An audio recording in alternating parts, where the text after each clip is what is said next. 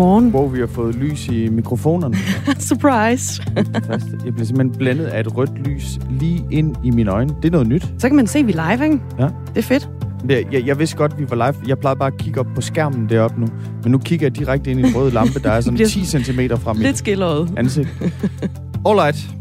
Alright. Det her det er Radio 4 Morgen, du har tændt for. Præcis. 5 minutter over 6 er klokken blevet. Det er den øh, 10. maj. Dagen efter, at Rusland fejrede sejrsparaden i går. Eller fejrede sejren i 2. verdenskrig over hele landet i går. Det var bare et lille ting, jeg lige synes, jeg vil nævne. Vi har pakket et øh, program til jer. Øh, vi skal blandt andet tale lidt om øh, solcelleparker. Vi skal tale om øh, det netop overståede valg i, i Skotland. Ja, fordi de skotske partier, der altså ønsker selvstændighed fra Storbritannien, de har nu flertal i parlamentet og kræver altså en folkeafstemning om selvstændigheden. Men det er den britiske premierminister Boris Johnson, der skal beslutte, hvorvidt der skal være en, øh, en folkeafstemning. Og vi spørger international korrespondent ved BT Jakob Illeborg, hvad det her valg det kommer til at betyde for Skotland, Storbritannien og ikke mindst jo premierminister Boris Johnson, som står med lidt af en hovedpine, kan vi sige. Og så er naboer til en kæmpe solcellepark ved Dejbjerg i Ringkøbing Skjern Kommune, de er altså blevet tilbudt 300.000 kroner i erstatning for værditab af boliger i forbindelse med opførselen af den her solcellepark. Men hvis de skal have de her 300.000 kroner, så skal de altså også fraskrive sig retten til at klage over projektet i al evighed. Seks naboer, de har tænkt sig at sige ja tak til de 300.000, som jo er lidt et hold kæft bolsje. Mm. Altså stop med at klage, og så får du de penge her. En borger har sagt nej til pengene. Det er Malene Follager Andersen. Hende taler vi med, og det gør vi klokken cirka 25 minutter i syv. Og vi skal også snakke om corona, fordi risikoen for coronasmitte den er højere øh, til EM end til OL, fordi fodboldkampene de bliver afviklet i 11 forskellige lande. Øh, mens OL-deltagerne de altså kun skal opholde sig i Japan, så skal det danske fodboldlandshold så også vaccineres. Sådan som OL-deltagerne de har fået øh, mulighed for at lov til. Det spørger vi kulturoverfører for Socialdemokratiet om Kasper Sand Kjær. Jeg, kan, jeg tror godt allerede nu, vi kan afsløre, at øh, Kasper Sandkær, som altså er kulturordfører for Socialdemokratiet, han mener ikke, at det danske fodboldlandshold skal vaccineres. Vi spørger om, hvorfor. Det gør vi. Lige nu der er klokken 8 minutter over 6. Det her det er Radio 4 morgen. I studiet er Christian Magnus Damsgaard og Dagmar Eben Østergaard. I sidste uge, der fandt en ornitolog to rørhøge liggende ved en sti nær Horsens Fjord. Her der lå de her to rørhøge og gispede efter vejret. Begge fugle endte med at dø. Og de var efter alt at dømme blevet udsat for et giftmor, som vi har set det flere andre gange. Øh, det her det sker samtidig med, at netop fuglemor, eller drab på, på truede fugle, det blev diskuteret i, i Folketinget i disse dage. SF de har fremsat et lovforslag, som vil øge strafferammen, så den ligner vores nabolande. Og så vil man blandt andet sørge for, at... Og der røg min skærm simpelthen, og der kom den igen. Så vil man også sørge for, at øh, forsætteligt drab på fredede dyr, det altid resulterer i fratagelsen af jagttegn. Øh, for Horsens Fjorddrabet, det står altså ikke alene. Siden 2008, der er 61 fugle blevet udsat for, for giftdrab. Og nu kan vi sige godmorgen til dig, Egon Østergaard, formand i Danmarks Ornitologiske Forening. Det her, det er en, øh, en sag, der optager jer i allerhøjeste grad, kan man sige. Hvordan vil du beskrive, hvad der skete i Horsens i sidste uge? Jamen, det er jo noget forfærdeligt svineri, at der er nogen, der kan finde på at bruge gift øh, mod dyr i naturen. Øh, det tror jeg alle, de synes, det er, det er meget forfærdeligt. Og hvad, hvad er det, I tror, der er sket? Jamen, der er til synligheden sket det, at øh, der er en eller nogen, som øh, har brugt det her giftstof, der hedder carbofuran, øh, for at slippe af med nogle, med nogle rovdyr. Øh, det er så gået ud over, over, over to øh, fredede rovfugle her, øh, to rørhøge. Og der har jo været flere tilfælde af det her. Altså, siden 2008, der er 61 fugle blevet udsat for, for giftdrab. Giftdrab. Tror du, der er en, en, kan vi sige, en fugleserie morderløs? Ja, det er i hvert fald noget, øh, vi ser, at der bliver ved, selvom der har været meget opmærksomhed om det. Øh, øh, så, så fortsætter det. Så, så giften, den, den florerer åbenbart i nogle bestemte kredse, og det, det, det må vi desværre konstatere. Hvorfor er det her et stort problem? Ja, men det er jo altså et problem, fordi man skal ikke gå og sprede gift i naturen, og, og giftstoffet er, er meget, meget giftigt også for, for mennesker. Øhm, så, øhm, så, så det, er, det er alvorligt, at, at det fortsætter. I marts der stillede SF et beslutningsforslag i Folketinget om at bringe strafferammen for fauna-kriminalitet på niveau med vores naboland. Det her forslag det er så i udvalgsbehandling lige nu, og det forventes afsluttet sådan midt i maj måned. Miljøminister Lea Wermelin, hun skriver i forbindelse med lovforslaget, at hun deler bekymringen over de tilbagevendende eksempler på fagnakriminalitet i Danmark, også senest øh, forgiftningen af fire havørn, som altså var en sag fra, fra tidligere. Rørhøen, som altså der blev fundet to af øh, nær Horsens Fjord, de er totalt fredet i Danmark, og der er omkring 650 ynglende par herhjemme, ifølge Dansk Ornitologisk Forening. Øhm, Egon Østergaard, hvad mener du, straffen skal være for sådan en handling her? Ja, den skal i hvert fald øh, være sådan, at øh, den afskrækker andre for at gøre tilsvarende. Øhm, så, så det her med, at man øger straframmen, det er, det er i hvert fald et godt skridt. Det er et fremragende forslag. Men, men der skal altså mere til, selvfølgelig. Der skal en mentalitetsændring til i nogle okay. kredse. Så, så altså, du synes forslaget, det ser godt ud, af det, altså, det kan jo potentielt blive op til seks års fængsel Ja, det og der skal mere til dom... end det? Ja, det skal det. Uh, altså det vigtige er jo så, at domstolen udnytter straframmen. Men, men der skal også uh, noget mere tilsyn til uh, fra myndighedernes side, og, og politiet skal have nogle, nogle bedre ressourcer og være, være bedre klædt på til at, at efterforske de her sager. Øget tilsyn. Hvad, hvad, hvad tænker du, det kunne være?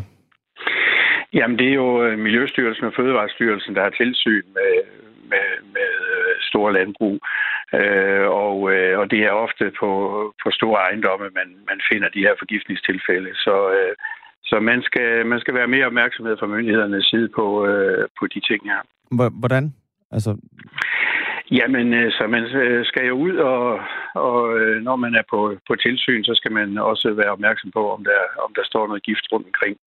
Og så, som sagt, når der er sådan nogle tilfælde her, så skal politiet være, være klædt godt på, øh, så man øh, kan få, få rejst en, en tiltale, og, og så domstolene kan få, få idømt en, øh, en, øh, en straf, som kan mærkes. Hvordan klæder man politiet godt på? Jamen, de skal selvfølgelig være, være klar på, hvordan er, er, er lovgivningen, og de skal have ressourcer til i det hele taget og, og kunne efterforske det her og, og få indsamlet de beviser, der skal til for, at den kan løftes i, øh, i, øh, ved domstolene. Så, så langt hen ad vejen, så handler det om ressourcer til politiet. Altså flere penge til politiet, som er øremærket efterforskning ja, af fagnekriminalitet? Ja, ja, så man har en, en ekspertise i at, at, at rykke på det her, når det sker. Og vi har foreslået sådan en et, et form for rejsehold, øh, som man ser i andre sager. Altså et, et rejsehold, som tager ud og efterforsker giftdrab ja, på rov, ja, ja, og som kan bistå øh, de lokale øh, politienheder, øh, når sådan noget her det sker. Mm. Øhm, det forslag her, som SF de har, har stillet, det, det er sådan ikke helt specificeret. Jeg, stå, jeg sidder med det her, men de vil i hvert fald have øget strafferammen, ikke? så den ligner den i vores nabolande. Øh, blandt ja. andet i, i, øh, i Norge, der er det op til 6 års fængsel. I, I Sverige er det op til 4 års fængsel. Hvor, hvad tænker du er en passende straf for at slå en rovfugl ihjel med gift i Danmark? Ja, det skal jeg ikke sådan lige kunne sige nøjagtigt, hvad det er, men, men som, det har, som vi har set det, hvor man får en, en betinget dom for at, for eksempel at, at skyde en ulv, øh, og man ikke får frakendt øh, retten til at, at gå på jagt, det er jo det er helt ude i hampen. Seks år, det, det er jo også det, man øh, får for, øh, eller i hvert fald kan få, hvis man begår en voldtægt. Ja, nu er det, at straframmen er seks år, det er ikke det samme, som man får seks år for at skyde en, en rovfugl. Men, men det sender et klart signal om, at det er noget, øh, samfundet tager stærkt afstand fra, hvis man øger straframmen, og i øvrigt kommer øh, på, på højde med, med vores nabolande. Det synes jeg er et rimeligt krav. Men tænker du, det er proportionelt i forhold til den brøde, der er begået? Altså, at det kan, hvis øh, lovgivningen udnyttes maksimalt, så kan det give seks års fængsel, hvis man begår en voldtægt, og samtidig så kan det også give seks års fængsel, hvis man øh, begår et giftdrab på en, en rovfugl. Ja, nu er det, at man har en strafferamme, øh, det er jo ikke det samme som, Nej. at man får seks års fængsel. Nej, det er det ikke. Men det sender, det er det ikke. Det sender Men rammen klart, er den samme for de to forbrydelser, potentielt. Ja, det, det er domstolen, der, der dømmer. Øh, men som det er nu, og det vi har set, den praksis, der har været fra domstolens side, øh, der, der, der tror jeg, at de fleste de, de synes, det er helt urimeligt. Så vi skal have nogle højere straframmer og nogle højere straffe, sådan at, øh, at det her, det stopper. Mm. Tror du, at, øhm, at sådan en, en øget strafferamme vil, vil få folk til at lade være med at begå de drab her? Ikke, ikke i sig selv, men øh, sammen med de andre ting, så tror jeg bestemt, at det er det, der skal til. Sidste år der blev en 72-årig øh, jæger dømt for at forgifte en musvåg i forbindelse med fasanudsætning på, på Valø Stifts jord ved, ved Køge. Er det, er det en sag, du også øh, kender til, øh, Egon Østergaard? Ja. ja. ja. Han, han fik jo 40 dages, en 40-dages betinget dom, øh, men beholdt også sit, sit jagttegn. Altså, hvorfor er det ikke en stor nok straf for at have dræbt en fugl? Jamen, som sagt, øh, man skal ikke gå og, og bruge gift øh, i naturen, og, og, og derfor så skal man have en, en straf, så øh, man holder op med det, og også at det virker, så det virker afskrækkende for andre. Øh, jeg bemærker også, at, at alle er stort set enige om, at, øh, at det her, det skal vi have stoppet.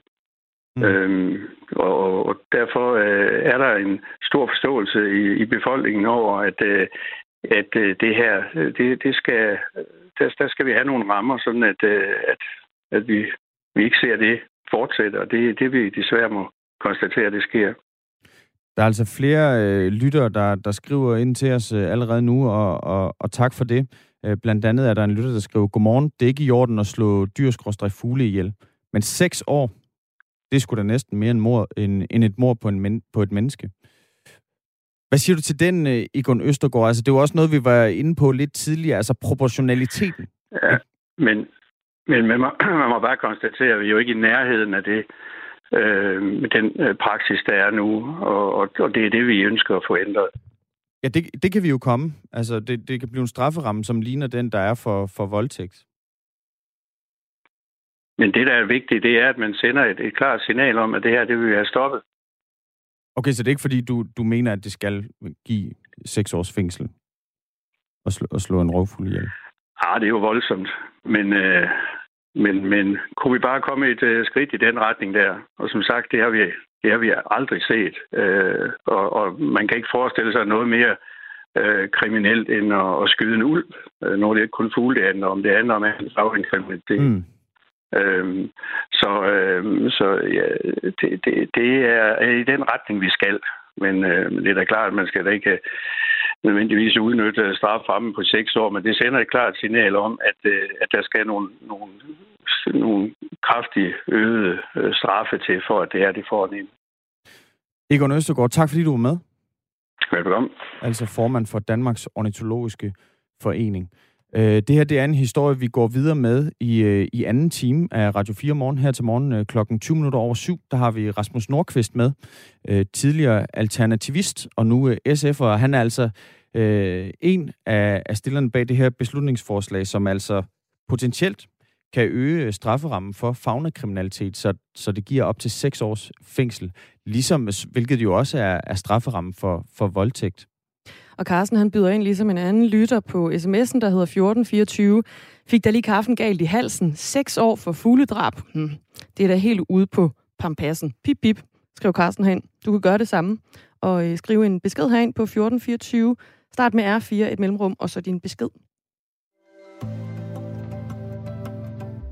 Og så flyver vi til øh, Skotland, hvor de skotske partier, der ønsker selvstændighed fra Storbritannien, de nu har et flertal i parlamentet.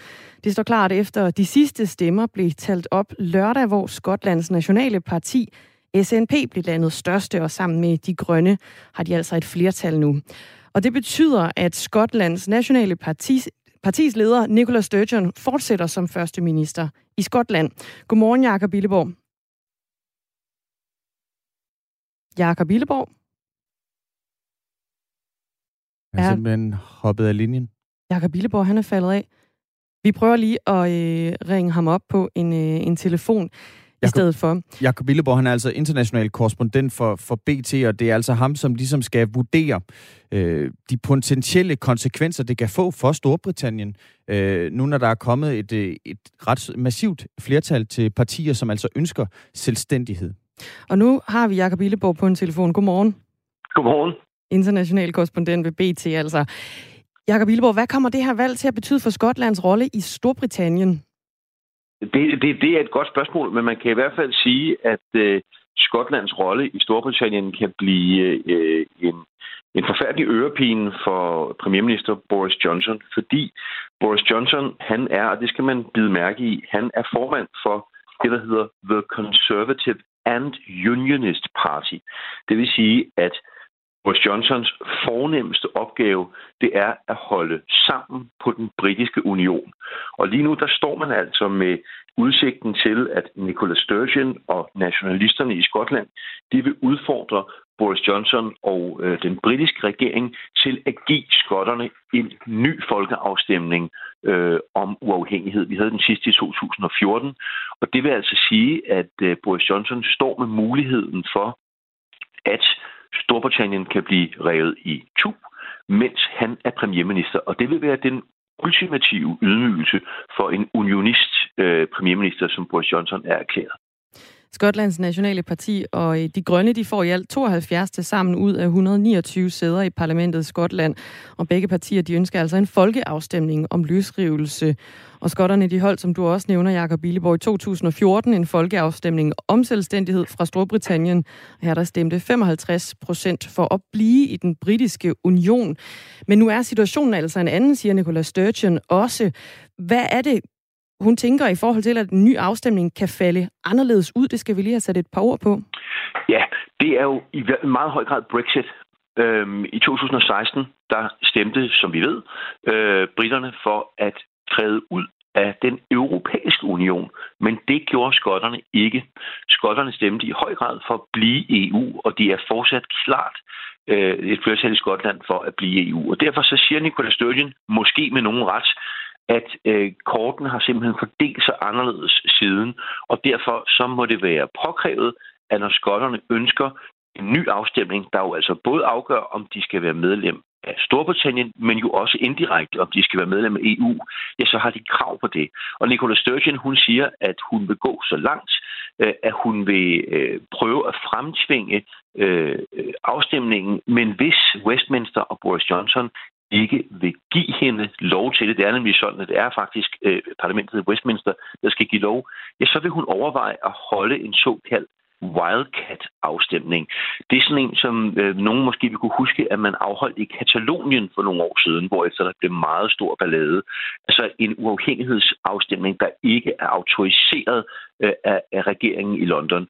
Så meget ligger det Nicola Sturgeon på sinde, og derfor så tror jeg, at vi går ind i en proces, øh, med meget øh, hård øh, hardball-spillen imellem London og Edinburgh, og altså også med mulighed for, at man uautoriseret holder en afstemning, eller øh, ret vildt, at det ender med at være ikke en politisk beslutning, men højesteretten i Storbritannien, der kommer til at afgøre Storbritanniens øh, fremtid. Mm. Det er det, det, er en, det er en vild situation, fordi det både i virkeligheden er Skotland, men også Nordirland, der knirker. Og, og derfor så står Boris Johnson, altså mener jeg måske, med sin ultimative udfordring, som bliver at holde sammen på, på den union, han holder så meget af. Og hvorfor er det, Skotland så gerne vil tilbage ind i EU, når nu resten af Storbritannien er gået ud? Jamen fordi, at Skotland føler sig øh, mange... Lad os, lad os lige huske, at det er nok cirka halvdelen, der føler det ene, og halvdelen, der føler det andet. Men mange i Skotland siger, at de føler sig ikke nødvendigvis britiske.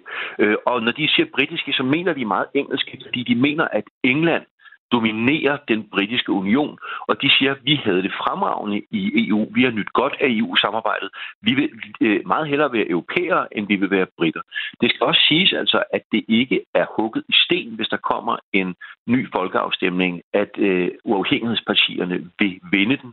Øh, det er cirka 50-50, men altså, det bærer nok den vej om noget, øh, at der er flere, der ønsker uafhængighed, blandt andet på grund af EU-spørgsmålet.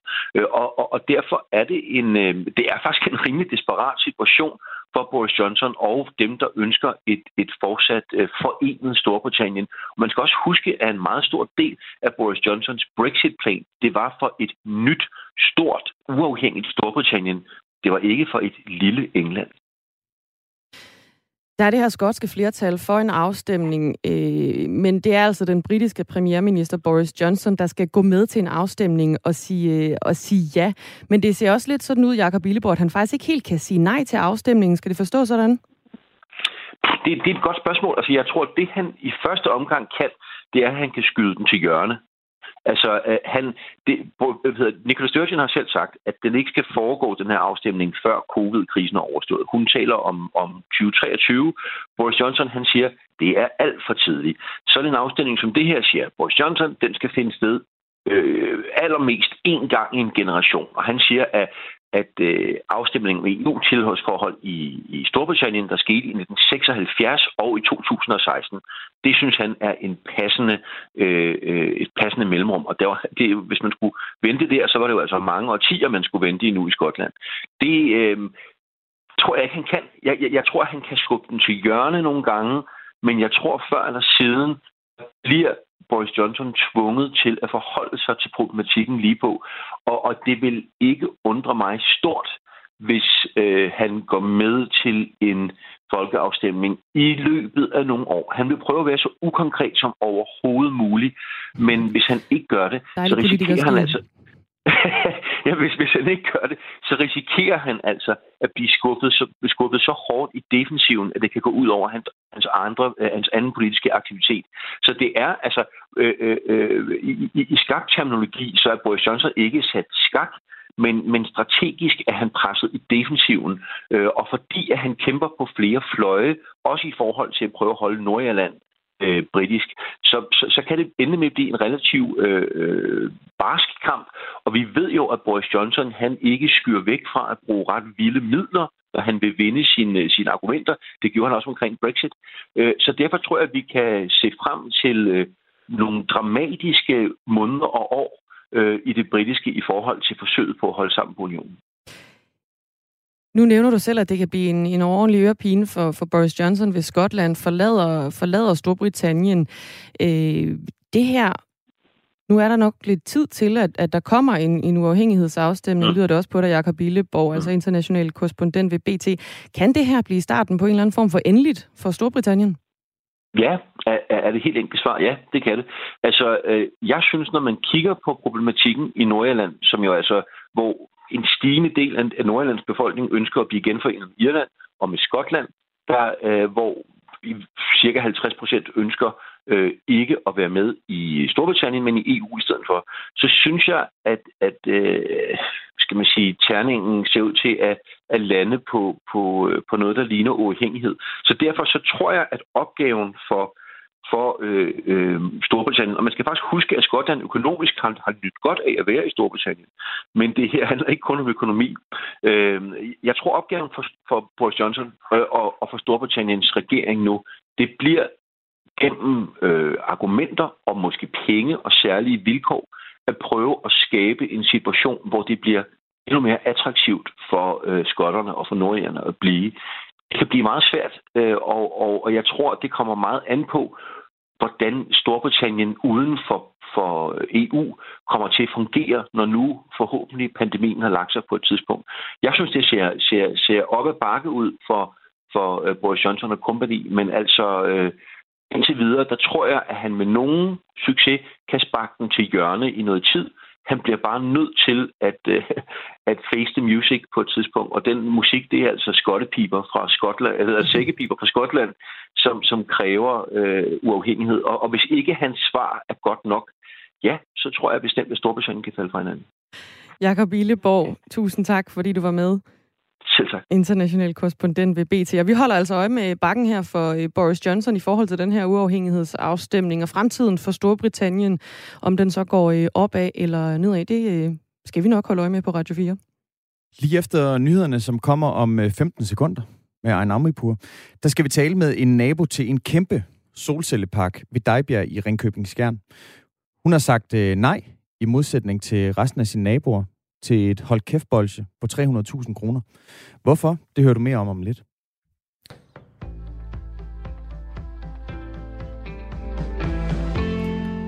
Der er lang ventetid på at blive tilset, hvis man har været smittet med coronavirus og oplever senfølger.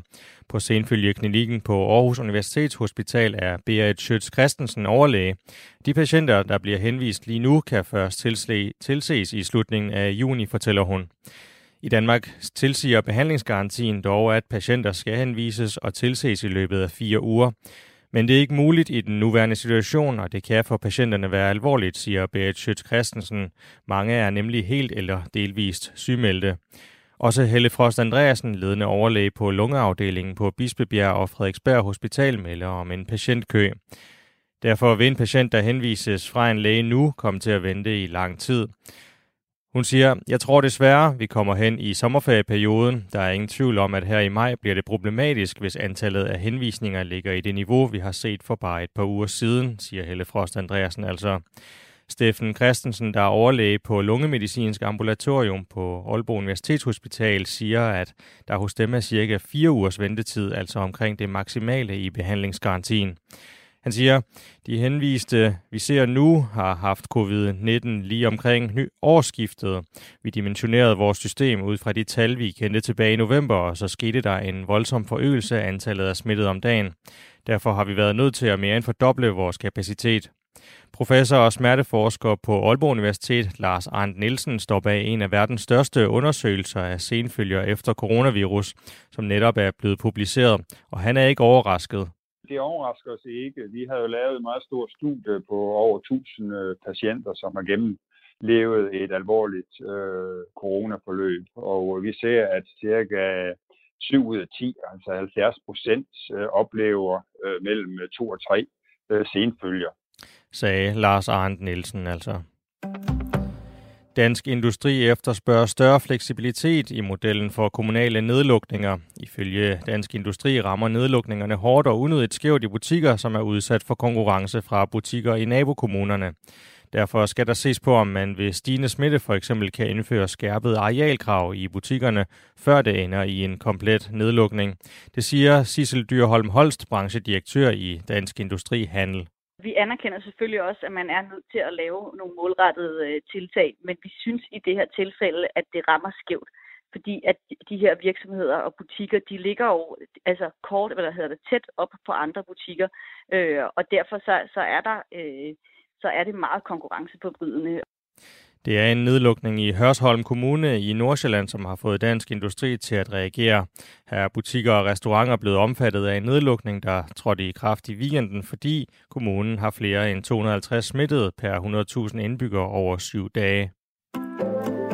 USA har uden tvivl flere dødsfald, der kan tilskrives coronavirus, end de officielle statistikker viser. Det siger den amerikanske regerings epidemiekspert Anthony Fauci. Officielt er over 580.000 mennesker i USA døde med coronavirus, siden pandemien brød ud i begyndelsen af sidste år, og det er det højeste antal i noget land i verden.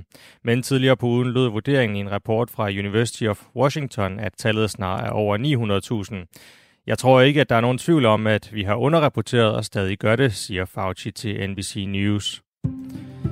Vejret bliver med lidt eller nogen sol, men også lokale regn- eller tordenbyer. Temperaturer op mellem 18 og 23 grader, lokalt op til 25 grader. Dog ved kyster med pålandsvind lidt køligere. Det var nyhederne på Radio 4. Mit navn er Ejner Amripur.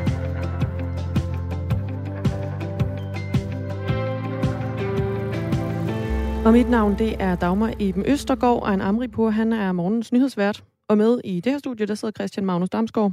Det gør jeg. Og det er allerede begyndt at tjekke ind med sms'er. Det skal ja. jeg tusind tak for. Øhm, særligt på det interview, vi havde med formanden for Dansk Ornitologisk Forening for lidt siden, Egon Østergaard.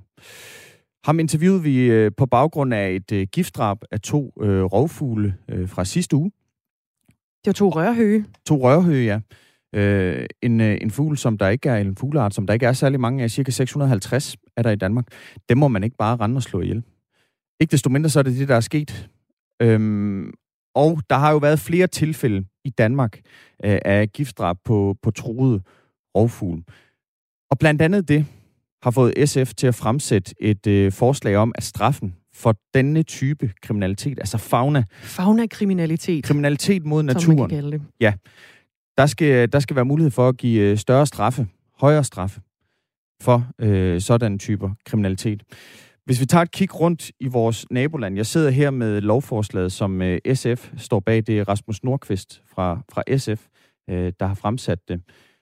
Så fremgår det i bemærkninger til det lovforslag her, at øh, Norge har en strafferamme øh, på 6 års fængsel, Finland 4 års fængsel, Sverige 4 års fængsel, og i Tyskland 3 års fængsel. Herhjemme i Danmark, som det er nu, med den lovgivning, vi har, der kan man maksimalt give to års fængsel i Danmark for fagnakriminalitet. Øhm, og som der også står i bemærkninger til det forslag her, så er det altså meget sjældent, for ikke at sige, jeg ved ikke, om det nogensinde er sket faktisk. Øhm, det har jeg så ikke lige fået researchet i bunden, vel, men, men man kan maksimalt give to års fængsel, men det er altså som regel, øh, altså som det maksimale, man kan svinge sig op til, det er en betinget dom og en midlertidig frakendelse af, af jagttegnet, som det blandt andet sket, øh, skete i sagen om den, den dræbte ulv. Øhm, der blev øh, manden bag, øh, bag drabet her, han blev idømt en midlertidig frakendelse af sit jagttegn og en betinget dom. Han kom altså ikke i fængsel. Og vi kan sige, at siden 2008, der er 61 fugle altså blevet udsat for sådan nogle øh, giftdrab her, som, som netop er det, SF jo gerne vil have, have bremset med det her nye, øh, nye lovforslag. Og vi har også fået sms'er på, øh, på 1424'eren. Jensen skriver ind, det kan måske virke voldsomt at blive idømt 6 års fængsel for drab af en rovfugl, men det skal jo ses i sammenhæng med straffen for afstumpet og meningsløs vold, hvilket jo også har en høj straframme, skriver han ind på øh, sms'en. Paul har skrevet ind på baggrund af det interview, vi altså havde med formanden for Dansk Ornitologisk Forening. Han skriver, citat, intet er mere kriminelt end at skyde en ulv. Citat slut. Sagde han virkelig det? Skriver altså Paul ind. Ja, det sagde han, Paul. Dermed svar på det. Der er også en, der skriver ind med et spørgsmål. Kan de ikke have spist eller delt en mus eller en rotte, der har spist gift? Og det kan de vel i princippet godt have. Det kan de ikke helt. Uh, nu har jeg set nogle billeder fra, da man fandt uh, de to uh, rørhøge, der lå og gispede efter vejret. De var mm. altså ikke døde, da de blev fundet. De blev fundet lige ved siden af en opsprættet høne, ja. som var bundet fast til en uh, pæl. Altså, man havde lagt lokkemad ud Ah, okay, yes. Død øhm, høne. Yes. Ja, en død høne, hvor man så mistænker, at der er puttet noget gift i den høne her, og så har rørhøne så sat sig ned og spist af det og faldet om. Ja, okay. Det er omstændighederne. Øhm, det er som sagt en historie, vi går videre med 20 minutter over syv, når vi taler med Rasmus Nordqvist fra SF, som altså står bag det her forslag om at øge strafferammen for fagnakriminalitet. Hvis I har nogle gode spørgsmål til ja. Rasmus Nordqvist, jeg har allerede et par i banken, tror det er jeg. godt. Øh, hvis I har noget, I gerne vil byde ind med, så skriv ind på 1424, start jeres besked med R4. Skal det kunne give op til 6 års fængsel og slå en rørhøge ihjel? Skriv ind 1424, start med R4 et mellemrum, og så din besked 22 minutter i syv. Naboer til en kæmpe solcellepark ved Dejbjerg i Ringkøbing Skjern Kommune er blevet tilbudt 300.000 kroner i erstatning for værditab. Men de skal samtidig fraskrive sig retten til at klage over projektet. Seks naboer, de vil sige ja tak til tilbuddet, men en siger nej. Marlene Folle Andersen, godmorgen. Ja, godmorgen. Du er nabo til, til solcelleprojektet her i, i Dejbjerg i, i Ringkøbing Skjern Kommune. Og du er den eneste nabo, der har valgt at sige nej tak til de her 300.000 kroner. Hvorfor har du det?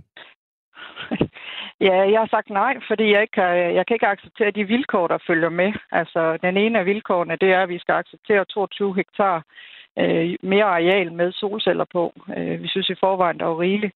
Øh, og det næste, det var, at vi ikke øh, må ytre os øh, fuldstændig frit, og at vi ikke må klage over projektet.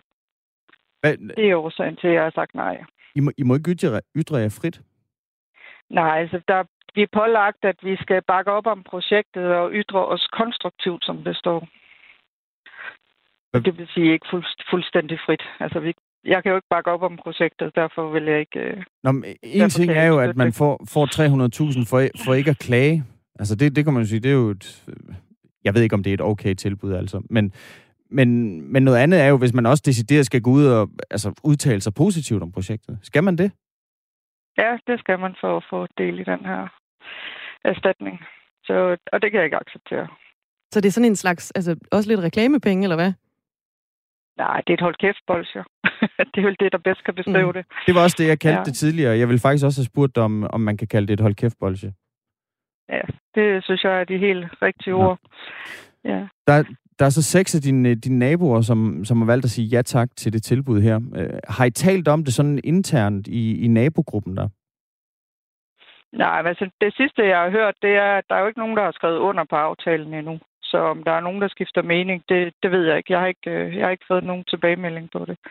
Øh, for mig har det bare været vigtigt at, at stå fast i det, jeg tidligere har sagt. Jeg har sagt, at jeg ikke ønsker øh, flere solceller, eller jeg ikke ønsker solceller herude. Jeg mener simpelthen ikke, der er plads til det.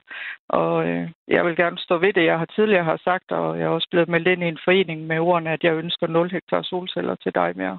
Mm. Hvad siger de andre naboer som begrundelse for, at de, de takker ja øh, enig ud fra, at, øh, at de, er blevet, de har fået mulighed for at få en erstatning. Øh, og de er simpelthen bange for, at de ikke, øh, de ikke vil kunne få et, tilsvarende beløb i erstatning, hvis ikke de takker ja til det her tilbud. Simpelthen fordi der, der, der ikke er andre muligheder? Jo, altså der er jo mulighed for at få en erstatning ud fra almindelige klage, klageregler, men at, at øh, der er mm. måske en forventning om, at beløbet ikke er helt så stort. Mm. Gast, øh, Gæsting Solpark, det er navnet på den cirka 365 hektar store solcellepark, som skal opføres ved, ved landsbyen øh, Dejbjerg i Ringkøbing Skjern Kommune. Solcellerne de kommer altså til at blive 4 meter høje, og så strækker de sig over et område, der svarer til mere end 500 fodboldbaner. Og bag planen, der står selskabet Green Go Energy og en gruppe lokale landmænd, som altså lægger jord til det her projekt. 6 ud af 7 naboer, de vil så takke ja til den her aftale øh, om at altså, få 300.000 kroner hvor man både afskriver sig retten til at, at klage, men altså også, som jeg forstår på dig, Malene Forlager Andersen, altså også skal gå ud og tale positivt om projektet. Ja, altså de vil gerne have, at vi bakker op om projektet. Ja. Hvad, får du ud af at beholde, din, at beholde din ret til at klage over projektet, når nu de andre naboer ligesom altså, tager tilbuddet? Der havde det, man havde jo stået stærkere, hvis man på en eller anden måde kunne danne fælles front. Ja, yeah. altså jeg håber, jeg får det ud af det, at vi slipper i hvert fald som minimum for de sidste 22 hektar. Og at øh, ja, så bevarer jeg min troværdighed, at jeg holder ord for det, jeg har sagt tidligere. Og så har jeg stadigvæk min fulde ytringsfrihed, som jo vi også skal høre, jeg bruger nu. Mm. Øhm. Ja. Har, har du specifikt fået at vide, at den, den aftale, du blev tilbudt af et hold kæft bolge, eller altså, hvad, hvad har man fået at vide om det, eller hvad har du fået at vide, da du fik det tilbud her? Ja, så jeg har fået at vide, at vi har, at øh, til at starte med fik vi at vide, at der var ikke penge til, at man kunne betale en erstatning til os.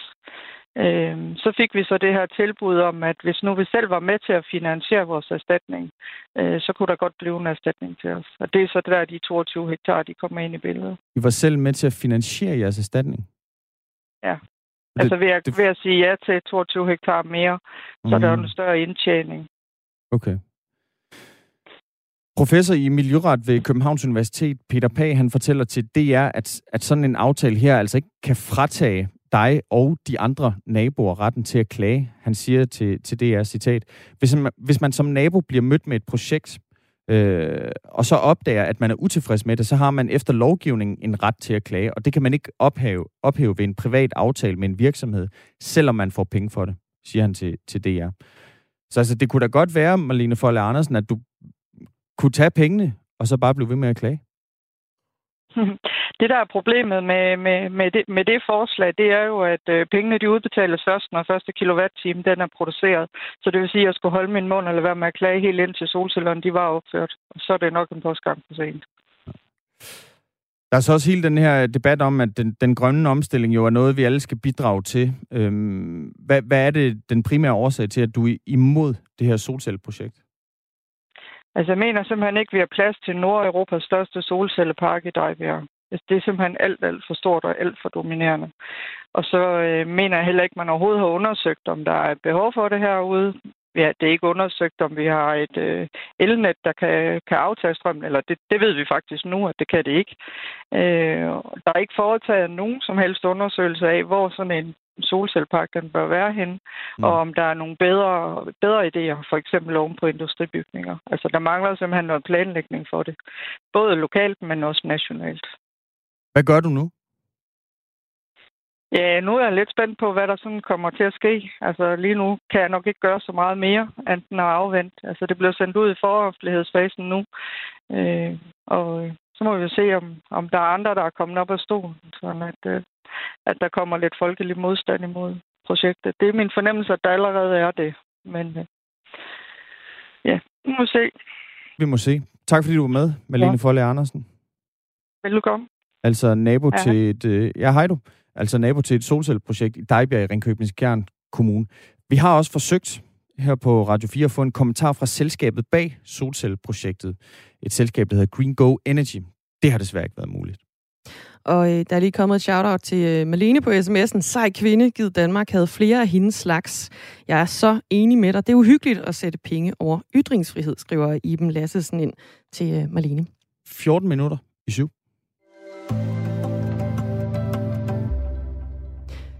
I sidste uge, der indgik IOC, altså den internationale olympiske komité, øh, og Pfizer og BioNTech en aftale om at vaccinere OL-atleterne. Sundhedsminister Magnus Heunicke, han bekræftede så samtidig, at de danske OL-atleter altså bliver vaccineret som et led i den her aftale mellem IOC og Pfizer og BioNTech. Men de fodboldspillere, der ser frem til at skulle spille EM i næste måned, de har altså stadig ikke fået tilbudt en vaccine. Godmorgen, Kasper Sandkær. Godmorgen. Kulturordfører for øh, Socialdemokratiet. Spillere til fodbold-EM, de er faktisk mere udsat for coronasmitte end OL-atleterne i Japan, vurderer Viggo Andreasen, der lektor i matematisk epidemiologi på Roskilde Universitet. Og vi starter lige med at høre et lille pip frem. Det, at man rejser meget omkring, betyder jo, at man kommer ind i mange forskellige smittebobler. Og sådan som øh, fodbold-EM er tilrettelagt, ja, så er der jo meget rejseaktivitet. Man møder mange mennesker, derfor er der større risiko for at blive smittet. Dertil kommer så, at Japan jo i øjeblikket er et land med meget lav øh, forekomst af corona. Så, så Japan er nok et ret sikkert sted at være som elite sportsudøver. Ja, der er altså masser af rejseaktivitet i forbindelse med EM, der bliver afviklet den 11. juni til den 11. juli i 11 forskellige værtsbyer. Kasper Sandkær, kulturoverfører for Socialdemokratiet. Vil I skubbe herlandsholdet frem i vaccinekøen? Nej, det vil vi ikke. Øh, ligesom vi heller ikke øh, ville det med, øh, med, med OL-atleterne. Det er der også fundet en anden, og i øvrigt jo, synes jeg, rigtig fin øh, løsning på, hvor, hvor IOC og Pfizer har indgået en, en aftale om det. Men Bare for at sige det helt kort, altså måden vi vaccinerer på i Danmark, og rækkefølgen vi vaccinerer i, det er baseret på, hvem der er i størst risiko for et alvorligt sygdomstilfælde, eller jo i værste øh, end at, at miste livet øh, til, til covid-19. Og det er sådan set det eneste, der afgør rækkefølgen på vaccinerne.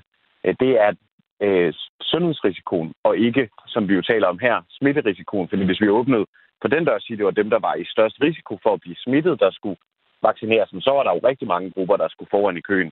Butiksassistenter, der hver eneste dag er udsat for kunder, der har mulighed for at smitte, øh, buschauffører øh, og andre, som er i kontakt med mange mennesker, vi skulle rykke foran i køen. Men EM i fodbold er jo i forvejen underlagt nogle andre regler. For eksempel så må der være 1000 mennesker i øh, udendørssektioner modsat ellers 500 for, for andre lignende begivenheder. Kunne man så ikke også godt rykke rundt på, på øh, vaccinationsrækkefølgen for det danske herrelandshold? Jamen, det har jo ikke rigtig noget med hinanden at gøre. Altså her taler vi om vaccinationer, altså hvilken rækkefølge danskerne skal tilbydes en vaccine i. Og her er det den sundhedsfaglige vurdering af, hvem der er i risiko for et alvorligt sygdomsforløb, som er afgørende, og ikke hvem der er i størst risiko for at blive smittet. EM bliver altså afviklet den 11. juni til den 11. juli i 11 forskellige værtsbyer, og Danmark skal så spille sine første tre gruppekampe i København. Hvis Danmark når hele vejen til finalen, så kan de risikere at øh, skulle spille i fire lande, og det kunne for eksempel være Holland, Spanien, Azerbaijan, Tyskland og England, der kom et femte land på der. Og til det, der siger øh, Viggo Andreasen, der altså er lektor i matematisk epidemiologi på Roskilde Universitet, sådan her. Der er to elementer i det. Det ene element er selve rejsen. At, at jo mere man rejser, jo større er risikoen for at blive smittet. Øh, og det andet er, at nogle af de lande er jo faktisk nogle af de lande, hvor der i øjeblikket er forholdsvis meget corona. England er jo et eksempel på et land, hvor coronasituationen er meget under kontrol lige nu. Men, men øh, land som Tyskland har jo ikke specielt god kontrol med corona lige i øjeblikket. Der er altså en klar risiko forbundet med EM. Bør man sikkert tage hensyn til det, når man nu skiber danskere afsted for at skulle repræsentere os? Altså opgaven øh, med, med EM i fodbold er jo at sørge for, at det foregår med mindst mulig smitterisiko, og det indebærer jo, at man etablerer de her bobler rundt om, om fodboldspillerne, som vi jo også kender fra øh, EM i håndbold på, på hjemmebane øh, sidste år, øh, hvor at man med, med, med test øh, rundt om atleterne ligesom sikrer, at der ikke kan komme nogen ind, der er, der er smittet. Og hvorvidt det er en, en forsvarlig måde at afvikle øh, slutrunden på, det er jo DBU eller UEFA, som, som er arrangør af slutrunden, I skal spørge. Øh, I skal spørge dem, og vi gør jo alt, hvad vi kan fra den danske regering for at hjælpe med, at den del af arrangementer, som bliver i Danmark, foregår på den mest sikre øh, måde øh, overhovedet for at minimere øh, smitterisikoen. Og det er jo ikke jer, der har sat OL-atleter foran i køen. Det er jo den her aftale mellem IOC og så øh, Pfizer og BioNTech, som har gjort, at de danske OL-atleter, de nu kan blive, øh, blive vaccineret mod corona, inden de altså bliver sendt afsted til, øh, til Tokyo til sommer. Til gengæld så har I sikret, at beboerne på en række danske øer kan blive vaccineret før tid. Hvorfor kan man så ikke også sikre, at de danske EM-spillere bliver sikret, vaccineret før tid? Ja, det, det er nok at sammenligne på her bananer. Altså, det, det, der var tilfældet med øerne, øh, var jo, at når du først var taget over og havde åbnet øh, vaccinen, øh, hvis du så ikke vaccinerede øh, alle dem, der var på øen, så ville du bare være nødt til at hælde øh, vaccinerne ud i havet, så at sige. Øh, og det, det ville jo være helt øh, åndssvagt spild af vaccinerne. Så der, der er det jo sådan med et logistisk hensyn. Men vil det øh, ikke også være et helt øh, åndssvagt spild af EM herrelandshold, hvis man skipper dem afsted, og så de bliver smittet med corona alle sammen? Jeg håber, at der virkelig ikke øh, kommer til at, kommer til at ske. Jeg håber jo meget, altså, det hvorfor ikke vaccinere dem? At afvikle. Ja, fordi at vacciner er et spørgsmål om, hvem der er i et alvorligt risiko for et alvorligt sygdomsforløb med covid-19, og ikke hvem der er i størst smitterisiko. Hvis vi først åbner øh, for, at det i stedet for, at det, der er afgørende for øh, vaccinerne, så er der jo rigtig mange øh, andre, som skal øh, foran i køen, og hvor risikoen måske endda også er større end for fodboldspil. Når nu de danske landsholdsspillere, de ikke kan blive vaccineret ifølge dig, Kasper Sandkær, kulturoverfører for Socialdemokratiet, inden de bliver sendt til, øh, til EM nu herinde alt for længe. Risikerer man så ikke, at Danmark bliver dårligere stillet end andre nationer, der har vaccineret deres spillere? Jamen, der er jo en risiko ved alt. Sådan er det at være midt i en, øh, midt i en pandemi. Altså, jeg håber jo meget, og vi arbejder jo tæt sammen med, med DBU om at lave den mest sikre løsning på de kampe, der skal afvikles i Danmark. Og Øh, jeg ved, at UEFA øh, jo sammen med de andre europæiske fodboldforbund arbejder på at kunne gøre det mest muligt sikkert der, hvor, øh, hvor kampene øh, afvikles. Og det er jo det, er man jo nødt til, hvis man skal afvikle en fodboldslutrunde midt under en, en, øh, en pandemi. Det synes jeg så også, man skal gøre alt, hvad man kan, for jeg tror, vi alle sammen har brug for nogle gode oplevelser og følelser af fællesskab, og vi glæder os alle sammen til EM-fodbold, og det er jeg også tryg ved, at, at man kan gøre på en, på en måde, der minimerer øh, smitterisikoen så meget, at, at der ikke bliver en skævvridning i konkurrencen. Øh, men det er jo bare, det er jo bare desværre øh, sådan det er, og det er der jo rigtig mange, der på forskellige måder mærker konsekvenserne af at afvikle store begivenheder midt under en pandemi. Så er det virkelig et privat firma, der skal løse det her problem, hvis de danske fodboldlandsholds herrer, de skal coronavaccineres inden afgang?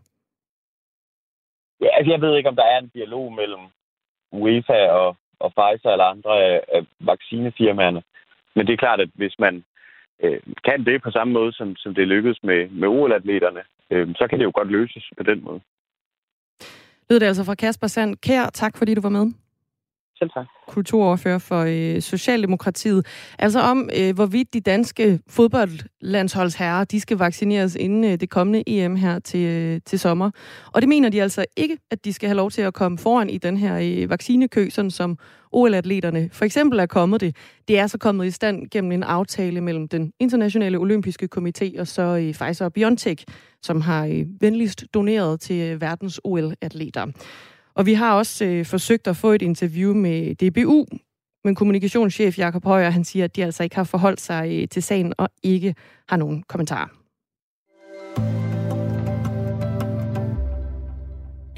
Natten til søndag, der landede dele af en kinesisk raket i det indiske ocean, vest for Maldiverne sådan helt præcist. Øh, og nu kritiserer NASA den amerikanske rumadministration, altså Kina, for at være uansvarlige i rummet, fordi de lader deres rumraketter vende tilbage til jorden, uden at kunne kontrollere dem.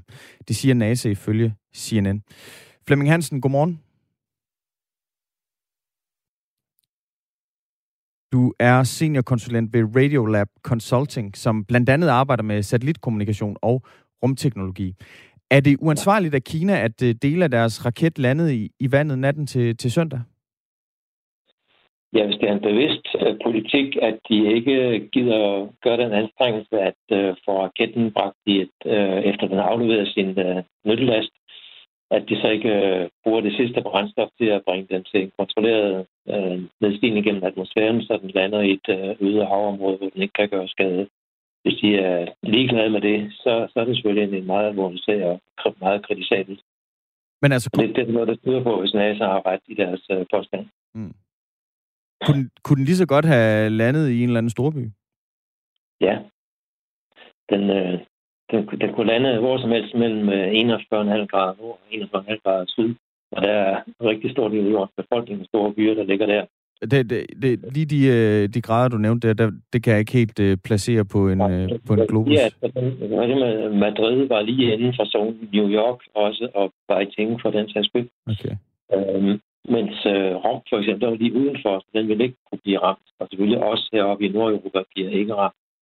Men øh, alle, alle større byer øh, på den sydlige halvkugle var i risikozonen, og øh, altså, altså, rigtig mange byer selvfølgelig i, øh, på den nordlige halvkugle. Så det var øh, men det er det omkring Madrid og New York. Det var rent held, at den, at den her raket den øh, styrte ned i, i vandet og ikke i, ned over en, en stor by. Ja, det var rent held, men, men trods alt, øh, chancen eller risikoen for, at den vilde styrte ned i en er selvfølgelig meget lille i forhold til, hvor meget de fylder sammenlignet med øde øh, landområder, og så selvfølgelig de øh, store oceaner, øh, som jo trods alt fylder næsten tre fjerdedel af jordens overflade. Hvad, hvad er, altså, hvordan skal formule, hvad er pointen med ikke at styre en raket, når den kommer ned igennem jordens atmosfære og styrer ned? Altså, hvad, hvad, er der, opnår man nogen en eller anden form for rumteknologisk fordel ved ikke at have den teknologi, eller hvad, hvad er pointen med det? Nej, det, det, det kan jeg ikke se, fordi øhm, det er ikke noget... Altså, det, det, det kræver, det er, at, man, at der er strøm nok ombord på raketten, øh, efter den har sat sin nyttelast ud, øh, til at man kan lave de manøvrer der og vente til det rigtige tidspunkt, hvor det kan ske. Og det kan selvfølgelig godt vare nogle timer. Øhm, fordi, men raketter de er jo ikke drevet af solceller, solpaneler, sol, solceller. De er drevet af et stort batteri, der er ombord. Når, når det er fladt, så er der ikke mere at gøre. Derfor skal man selvfølgelig sørge for, det, at der kan være sten nok i batteriet, så man kan holde raketten og raketsystemer kørende, indtil man kan lave den manøvre der, og så få kontrolleret nedstyrtning. Raketten, som... Det, er... Ja. Jamen, jeg vil bare sige, give lidt fakta om raketten der. Altså, den var 30 meter lang, og så vejede den 18 ton. Og den, den bane, som vi også var inde på tidligere, Flemming Hansen, den øh, inkluderede altså blandt andet af Australien, og som du også fortalte, altså Madrid, øh, New York kunne den også have, have styret den ned i. Øh, og det var altså også derfor, at øh, personer over hele verden øh, med interesse i rumfart og, og eksperter, de var nervøse for at blive ramt af dele af raketten. Øh, hvor ofte sker det, at en raket sådan finder vej ind i atmosfæren og, og, og styrter ned? Altså, med en, en ny opsættelse er, er det sjældent, fordi øh, man kan sige, de, de pæne drenge i klassen, de øh, sørger for at lave den der manøvre, der styrer ned kort tid efter opsendelsen, når man har gjort sit arbejde. Øh, så, så er der ikke så meget mere at komme efter. Men der er stadigvæk øh, masser af gamle rakettrin øh, øh, i, i kredsløb om jorden, som, som langsomt daler ned og, og, og styrter ned på et eller andet tidspunkt. Det er selvfølgelig også ukontrolleret, fordi de har været deroppe i mange år. Og sådan cirka, altså når vi sidder og kigger på statistikken, der er sådan rundt regnet 20 rakettrin, der skal der ned hvert år. Og gamle, gamle satellitter, der er der også omkring en 60-70 stykker. Mm. Øh, de fleste, de, de der bare ned, og der er ikke nogen, der, der ser, måske nogen, der ser et flot stjerneskud, øh, eller sådan noget, der er kraftigt lysende, der bevæger sig hen over himlen, og tror måske, det er et meteor, men det er måske en satellit, der støder ned. Og de, øh, de fleste lander et sted, hvor de ikke gør nogen skade, eller bare er totalt op under, under nedstigning gennem atmosfæren. Ganske kort her til sidst, øh, Flemming Halsen. Hvilken skade kunne det have forårsaget, hvis det var styrtet ned, for eksempel i downtown New York? Altså, der er nogle kompakte dele i raketten, altså raketmotorernes brandkammer, for eksempel, der turbopumper, der, driver brændstof ind i brandkammeret. De er lavet af højtemperaturlegeringer, og det er kompakte ting, som sandsynligvis vil overleve turen gennem atmosfæren, så de kan lave stor skade, hvis de rammer et hus. Mm. Og selvfølgelig dræbe et menneske, hvis de er var uheldig. Tak fordi du er med, Flemming Hansen. Ja, velbekomme. Altså seniorkonsulent ved Radiolab Consulting, som arbejder med satellitkommunikation og rumteknologi. Klokken er syv, og en Amripur har nyhederne klar.